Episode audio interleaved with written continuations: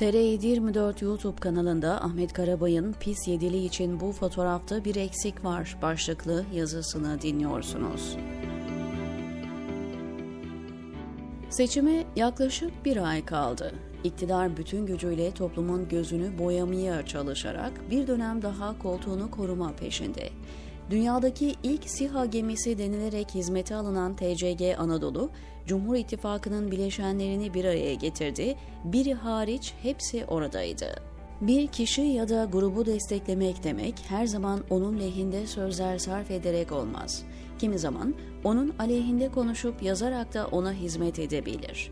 ABD bunu küresel çapta uzun yıllardır yaptırdı, yaptırıyor. Bu uzun konu. Biz Türkiye'ye dönelim. Türkiye'de muhalif kılıfa bürünerek aleyhte göründüğü kesime hizmet eden epey yapı var. Bunun en somut örneği Sözcü gazetesi. 28 Eylül 2021'de bu konuyu ele alan Sözcü gazetesi iktidara sabahtan çok hizmet ediyor başlıklı bir yazı yazmıştım muhalif görünüp karşı tarafa hizmet edenler kendi kitlesinin hoşuna gidecek söz söyleyip eylemler ortaya koyarken aslında karşı tarafın kenetlenmesini sağlar. Dahası kendi safında olanlara da ben bu kişilerle aynı çizgide miyim sorusunu sordurur. Bu tanıma giren pek çok örnek var. Yalnız bunu sadece iktidara muhalif kesimde aramayın. İktidara destek verdiğini sanıp da muhalefetin havuzuna su taşıyanlar yok mu? emin olun var ama onların fazla bir kıymeti harbiyesi yok. Güncel örneklerine gelelim. Bu isimlerin en bilinenlerinden birisi Ersan Şen. Bu, hukuku iktidarın köpeği haline getiren şahıs görevini daha tamamlamadı. 17 Aralık 2022'de cüzdanın sesi Ersan Şen'i tanımak ister misiniz diye soru sorduğum yazıda detaylı anlatmıştım.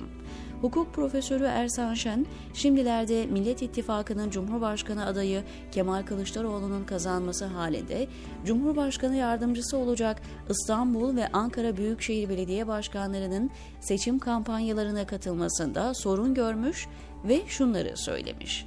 Mansur Yavaş ve Ekrem İmamoğlu şu an sahada nasıl propaganda yapıyor?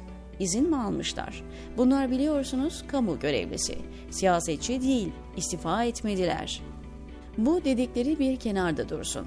Peki Ersan Şen tarafsız Cumhurbaşkanı'nın her gün ekranlardan rakiplerini ve toplumun bir kesimine küfür ve hakaretler saydırdığını nasıl karşılıyor? Sosyal medya hesabının künyesinde devlet görevlisi yazan şahıs nasıl siyaset yapıyor? Toplumun bir kesimine sürtük diyen kişi kamu görevlisi değil mi? Bu devlet görevlisinin oraya seçilirken diplomasının olmadığına ilişkin bugüne kadar ne dedi acaba? Geçen yıllarda Erdoğan'ın üçüncü kez seçilmek üzere yeniden aday olamayacağını belirtiyordunuz. Ne oldu da şimdilerde sesiniz çıkmıyor? O tarihten bu yana anayasa mı değişti? Peki seçimle değil de atamayla gelen bakanlar nasıl oluyor da siyaset yapabiliyor? Bunlar kamu görevlisi değil mi? Milletvekili adayı olabilmeleri için görevlerinden istifa etmeleri gerekmiyor mu? Üstelik atamayla gelen bakanlar devletin bütün imkanlarını arkalarına alarak iktidar propagandası yapmak için sahada olmalarına diyecek bir sözünüz yok mu? Ersan Şen, görev üstlendiği kesim adına artık kartları açık oynamaya karar vermiş anlaşılan. Oysa Millet İttifakı'nda Meral Akşener kalkıp gittikten sonra yeniden döndüğü tarih olan 8 Mart'ta İmamoğlu ve Yavaş için övgülerde bulunmuş, İmamoğlu Karadeniz'de, Yavaş Orta Anadolu'da kim nerede etkiliyse iyi bir kampanya yaparsa oya tahvil eder demişti. Bir ay önce Meral Akşener'le görüşen Ersan Şen, yeni dönemde Adalet Bakanı olmak istediğini söylemişti ama şimdi AK Parti'nin yeniden kazanması halinde aynı koltuğu kendine uygun görüyor. Muhalif gibi görünüp iktidara hizmet eden bir diğer önemli aktör Muharrem İnce.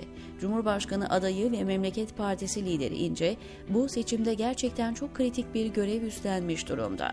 Gazeteci Fehmi Koru, Muharrem İnce ve Memleket Partisi'nin 22 yıl öncesinin Cem Uzan ve Genç Partisi olduğunu anlatan bir yazı yazdı. Ben de Muharrem İnce'nin yükselişine ve Millet İttifakı için önemli bir risk haline dönüştüğüne, daha Cumhurbaşkanı adayları belli olmadan Ümit Özdağ'dan değil Muharrem İnce'den korkun diyerek dikkat çekmiştim. Muhalif kesimden pek çok isim İnce'nin bu tutumuna tepki gösteriyor. Durumdan son derece memnun görünen iktidar tarafından da Muharrem İnce faktörüne dikkat çekenler var. Candaş Tolga Işık'ın programına katılan AK Parti Genel Başkan Yardımcısı ve Tanıtım ve Medya Başkanı Hamza da şunları söyledi. Anketlerde parti olarak, Cumhur İttifakı olarak önde gidiyoruz. Cumhurbaşkanımız önde gidiyor. İnşallah ilk turda seçimi kazanacağız. İyi bir fark var. Muharrem İnce faktörü var. Allah'tan AK Parti'nin içinde Hamza Dağ gibi kişiler var da Muharrem İnce gibi muhalif kesimdeki iktidarın adamlarını ele veriyorlar. AK Partili Dağ'ın sözlerinden sonra Hakan Şükür'ün söyledikleri şimdi daha bir anlam kazandı. Hatırlayın Hakan Şükür milletvekili olduğu dönemde bir konudan dolayı Muharrem İnce ile sürtüşme yaşıyor. Milli futbolcu İnce'yi mahkemeye veriyor. Tayyip Erdoğan bakan ve milletvekillerinin bulunduğu bir ortamda o karşı taraftaki bizim adamımızdır deyip davasını çekmesini istiyor. Tekrar başa dönelim.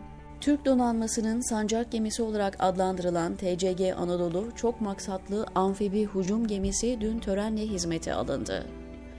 Hizmete alındığı ifadesini kullanıyorum çünkü denize indirilmesi daha önce olmuştu.